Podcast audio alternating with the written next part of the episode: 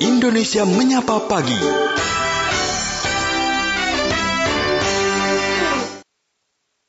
Kami akan mengajak Anda untuk menyimak dialog layanan kesehatan COVID-19 kerjasama Fakultas Kedokteran Universitas Indonesia dan Radio Republik Indonesia pada pagi ini membahas mengenal berbagai penyakit jantung dan pembuluh darah pada usia muda. Dialog Kesehatan. Dan sudah bersama dengan kita Dr. Aryo Suryo Kuncoro, spesialis jantung dan pembuluh darah dari Departemen Kardiologi. Beliau sudah bersama dengan kita di ujung telepon. Selamat pagi, dokter. Selamat pagi. Iya, kabar baik, kabar sehat, dokter? Baik, sehat saat ini. Ini Terima kasih. pas sekali temanya karena kan eh, pendengar-pendengar kita juga beberapa di antaranya berusia muda. Padahal eh, faktor-faktor tentang pembuluh eh, darah dan jantung ini kan orang selalu mengasosiasikannya pada usia yang tua begitu dok. Dan. Fakta-fakta lainnya menyebutkan bahwa sebenarnya usia muda itu juga rentan. Nah, bagaimana masyarakat-masyarakat usia muda ini bisa memahami kerentanan itu dok? Dan apa yang harus diperhatikan terlebih dahulu? Iya.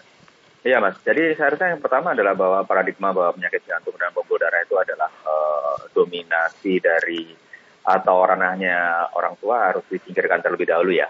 Mm-mm. Karena penyakit jantung ini sendiri sebetulnya dari berbagai kategori bisa dibagi menjadi penyakit jantung bawaan sama penyakit jantung didapat. Bawaan dan didapat ya, ada dua ya berarti ya? Ya. Betul. Secara garis besar ya. Meskipun Mm-mm. bagian yang lain juga juga bisa. Namun bukan berdasarkan usia. Nah, penyakit jantung bawaan dan didapat ini bisa melibatkan dari seluruh golongan usia ya. Hmm. Dari uh, usia sangat dini sampai usia sangat tua. Nah, pada mereka yang usia muda artinya juga artinya mereka bisa terkena penyakit jantung dan pembuluh darah ini yang seperti uh, Mas sampaikan tadi. Hmm, hmm. Nah, nah, sekarang tinggal jenis penyakit jantungnya yang kira-kira pada usia muda seperti apa. Nah, memang kalau usia muda, kalau kita usia bicara usia muda kan bisa dari ini ya, rentannya panjang ya kalau usia Hmm. muda itu ya kan bisa dari usia apa namanya balita, kemudian usia uh, anak-anak, remaja dan kemudian usia dewasa. Nah, kalau uh, pada anak-anak rasanya yang paling banyak barangkali penyakit jantung bawaan ya pada akhirnya. Hmm. Tapi pada usia remaja dan kemudian sampai usia dewasa bisa meliputi penyakit jantung bawaan, mungkin penyakit jantung katup ataupun penyakit eh, penyakit yang melibatkan otot jantung. Nah itu eh, dan be- eh, dan beberapa penyebab lainnya memang. Eh, rasanya sih kalau udah melihat dari apa namanya penyebab-penyebabnya, jadi memang eh, eh, ada hal-hal yang memang harus di apa ya harus di eh, waspadai lah Hmm. sebetulnya pada Hmm. usia muda itu ya Oke. sebetulnya. Eh, Dok, kalau bicara penyakit kan selalu saja tidak lepas dari yang namanya keluhan. Nah, biasanya untuk yang eh, kalau kita bahasnya penyakit jantung dan pembuluh darah pada usia muda, keluhan-keluhan umum yang awal yang bisa dideteksi, apa saja dok biasanya? Ya, kalau usia muda itu kan biasanya kan eh, pada usia muda kan biasanya aktif ya. Hmm. Biasanya kan usia-usia yang memang pada kondisi di mana memang biasanya orang aktif lah gitu ya. Jadi biasanya kalau pada anak-anak kan mungkin eh, mudah bermain dan mudah eh, dan memang ini ya eh, apa namanya berinteraksi dengan eh, sekitarnya. Nah makanya keluhan yang paling sering mengganggu biasanya kalau biasanya eh, mungkin biasanya bisa main lama ini mungkin jadi nggak bisa atau alias eh, lebih mudah capek. Oh, gitu ya. jadi kalau misalnya bersepeda biasanya bisa panjang, Iya, sekarang mulai betul. turun gitu. Oh, Hmm. itu harus waspada ya, itu dok ya? harus- Harus diwaspadai. Kalau keluhan yang lain biasanya seperti mungkin yang seperti keluhan sederhana seperti misalnya biasa eh, apa namanya debaran jantungnya mungkin tidak tidak biasa, tidak Mhm. biasa itu bisa lebih berdebar lebih kencang atau mungkin tidak teratur. Nah itu mungkin harus diwaspadai untuk diperiksa lebih lanjut. Mm, mm, mm, mm. Itu mendeteksi tentang debaran kencang dan tidak teratur itu apa dok? Hanya hanya eh, orangnya saja yang bisa mendeteksi atau bisa dilihat dengan yang lain mungkin mungkin memegang apanya gitu dok? Iya, sebetulnya sih sangat sederhana sekali dengan eh, memegang nadi, memegang apa ya eh, nadi kan kita bisa melihat ya. Hmm. Mungkin tidak perlu dihitung, tapi kalau sekedar untuk melihat bahwa apakah debarannya itu memang teratur atau tidak kan bisa di, di- dideteksi secara sederhana dari situ. Itu Hmm. yang pertama ya. Jadi artinya awareness sendiri dari si eh, penderita tersebut. Untuk kemudian kalau memang ada ada ragu dan mungkin memang keluhannya mungkin eh, sangat mengganggu bisa berobat ke dokter. Biasanya debaran yang tidak teratur ritmenya itu apa juga bisa menyebabkan seseorang berkeringat ya dok ya? Berkeringat eh, lebih begitu maksudnya? Hmm, ja- bisa. Kalau ditanya bisa sih bisa aja sih ya. Hmm, hmm. Jadi karena kalau berberan tidak teratur tuh kadang-kadang ada yang menimbulkan keluhan yang sangat tidak nyaman sehingga sehingga keluhan keluhannya me- menjadi eh, mungkin berkeringat. Apakah itu mungkin kalau sangat tidak nyaman mungkin bisa mengarah ke keringat dingin barangkali ya. Jadi karena keluhannya sangat tidak nyaman. Hmm. Keluhan umumnya tapi mudah capek tadi ya yang pertama ya, bukan Eh, ya. Hmm. Karena kan ada yang menyebutkan bahwa rasa nyeri di dada sebelah kiri. Itu gimana, Dok? Ya, jadi saya tadi tidak mengeksplor mengenai rasa nyeri karena rasa nyeri itu sebetulnya memang merupakan su- suatu keluhan yang eh, paling umum ya sebetulnya ya. Hmm. Dan konotasinya karena itu tadi karena penyakit jantung itu dikaitkan dengan rasa nyeri di dada sebelah kiri karena di situ letak jantung. Hmm. Tapi saya harus menekankan lagi bahwa tidak semua keluhan nyeri dada sebelah kiri adalah arah jantung. Oh. Dan kemudian saya bicara penyakit-penyakit tadi penyakit jantung bawaan dan segala macam penyakit katup dan segala macam tadi kebanyakan bukan nyeri dada kiri.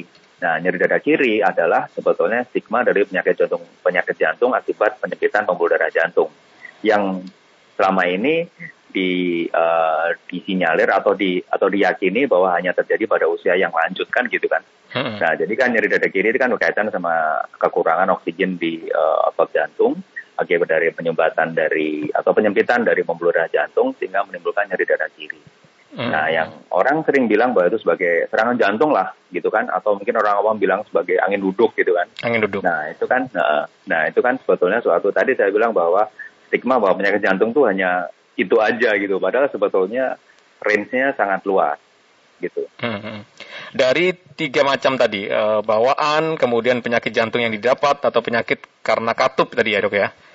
Mhm. Itu Hmm. anak muda lebih banyak yang mana ini, Dok? Yang usia muda seringnya karena bawaan atau karena didapat? Didapat itu karena apa? Karena olahraganya yang terlalu ekstrim atau makannya sudah mulai tidak karu-karuan di usia muda? Yang mana, Dok? yang mana ini? Iya, iya, iya. Oke, yang pertama yang jelas kalau di usia muda tuh ini usia muda kisaran umur berapa ya kalau saya boleh ini supaya lebih tajam lah ini. Ah, ah. Atau mungkin dokter yang Kira-kira justru malah menggambarkan ke saya usia muda yang banyak muncul keluhan dan sudah ke dokter jantung biasanya di usia berapa dok? usia muda itu bisa dari anak-anak sampai usia, eh, usia Oh, remaja. oke, di bawah. anak-anak sampai remaja ya. Hmm. Eh, di bawah 30 tahun lah ya. Di bawah 30 tahun. Loh, di bawah 30 tahun itu sudah ada yang bermasalah begini dok? sudah dong. Oh. Iya sudah. Tapi itu tadi range-nya bukan bukan berkaitan sama penyempitan penyempitan pembuluh darah jantung. Itu Hmm. kita akan mungkin kita merupakan salah satu dugaan kita, tetapi bukan yang awal-awal lah. Hmm. Oke. Karena pada kisaran itu, kalau kita bicara penyempitan pembuluh darah jantung, bukan di kisaran usia segitu, meskipun bisa, Oke. tetapi sangat-sangat jarang.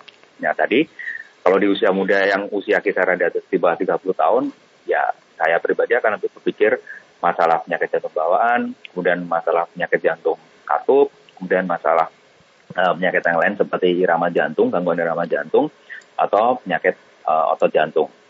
Hmm. Nah, itu semuanya bisa berimplikasi serius pada pada mereka yang memang eh, kelainannya kategorinya berat. Hmm. Nah, jadi kalau tapi kalau bicara paling sering agak sulit saya jawab. Karena karena eh, yaitu eh, berkaitan dengan apa ya?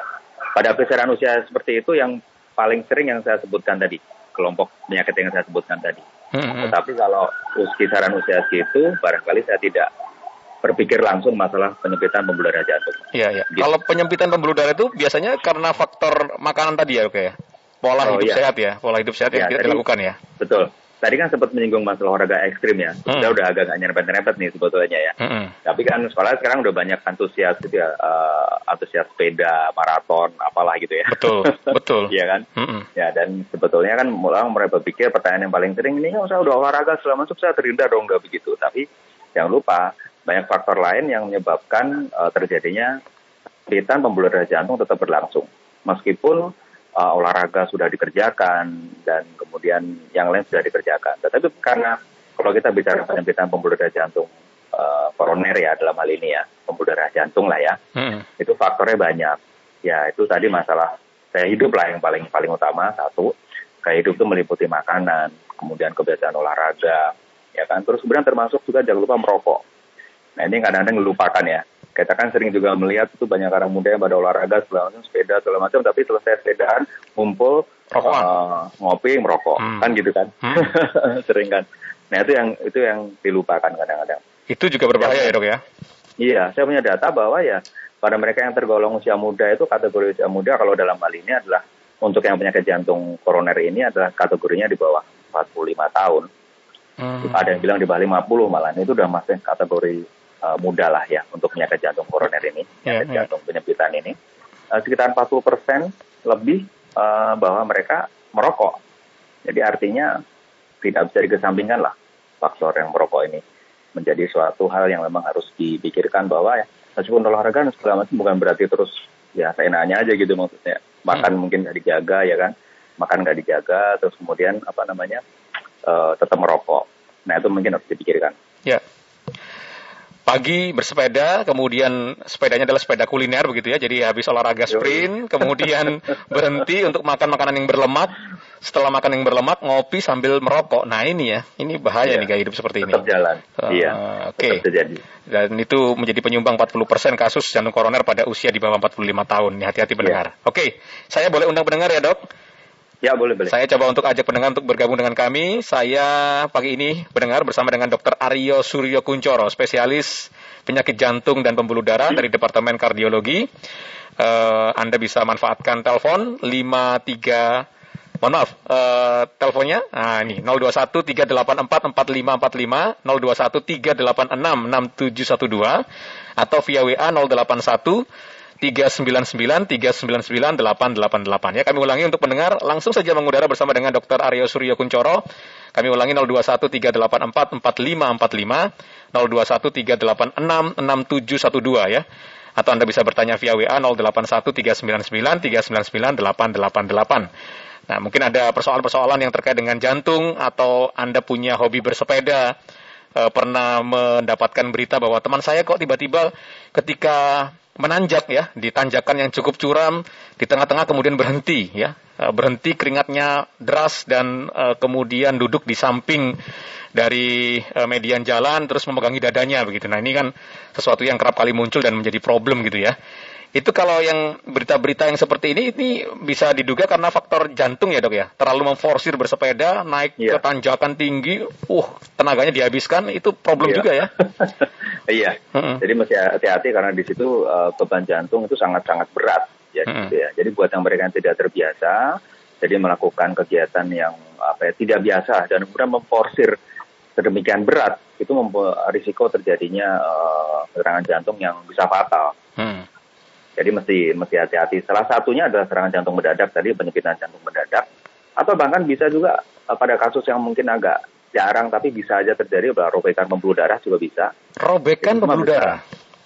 Iya, karena pada mereka yang begini karena pada mereka kadang-kadang kita kan tidak bisa mendeteksi ya pada hmm. pada mereka yang memang sebetulnya mungkin punya masalah pembuluh darah jantung. Pembuluh darah jantung itu kan ada pembuluh darah, pembuluh darah itu kan banyak ya. Hmm. Ada hmm. pembuluh darah jantung yang koroner tadi yang kecil-kecil tadi, ada juga yeah. pembuluh darah yang besar. Yeah. Nah ini kan kita bisa bayangkan kalau dia pada saat kita lagi uh, kerja berat gitu ya, misalnya anjak itu kan jadi itu tekanan darah itu bisa berkali-kali lipat lebih, ya, lebih, lebih tinggi kencang ya. ya, lebih tinggi jadi ya. Kita hmm. jangan bicara masalah 120, 130 mm uh, merkuri ya untuk tekanan oh, bisa mungkin 200, 250 mendadak timbul. Nah itu bayangkan bahwa itu seperti pembuluh darah itu kan seperti pipa yang menahan tekanan yang begitu besar. Oh, iya, itu iya. bisa robek, bisa robek, bisa ya? aja terjadi. Baik. Tapi bisa aja terjadi seperti itu. Jadi ya. jadi artinya mesti hati-hati lah gitu. Siap. Nah itu keluarnya mungkin wah ntar ya capek ini tiba-tiba diam tiba-tiba uh, sering kan tiba-tiba nggak sadar aja gitu terus tiba-tiba ya. hilang aja gitu kan ya, ya, ya, kita, ya. itu karena terlalu diforsir kemudian ya. tekanan darahnya ya. naik ya dan merobek dari pembuluh darahnya baik ya. ada pendengar kita Pak Jamhari di Jakarta Selatan nih selamat pagi Pak Jamhari Selamat pagi Pak. Iya Pak Jamhari silakan Pak. Dengan Pak Dokter siapa nih? Dokter Aryo Suryo Kuncoro. Oh, selamat pagi dok. Ya Pak pagi. Uh, saya mohon petunjuk penjelasan ini saya kena sakit jantung koroner dua tahun yang lalu. Hmm. Tapi saya sering kontrol setelah obat itu habis, saya mau kembali sepertinya ada apa namanya rasa yang di dada itu kayak sebenarnya berat sekali itu dok. Dok gimana dok? Kenapa pak? Mohon diulang dadanya kenapa? Dadanya ini terasa berat itu dok. Berat? Ya, tapi nafasnya normal saya. Oh.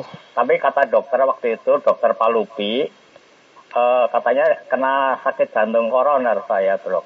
Hmm. hmm. Itu dua tahun lalu ya Pak ya anunya ya? Dua ya? tahun yang lalu ya. Diagnosanya. Hmm. Sampai sekarang ini saya kadang-kadang dada saya masih kayaknya berat. Hmm. Sebelah kiri di atas itu panas kadang-kadang dok saya. Panas. Usia mohon maaf Pak Jamhari berapa Pak?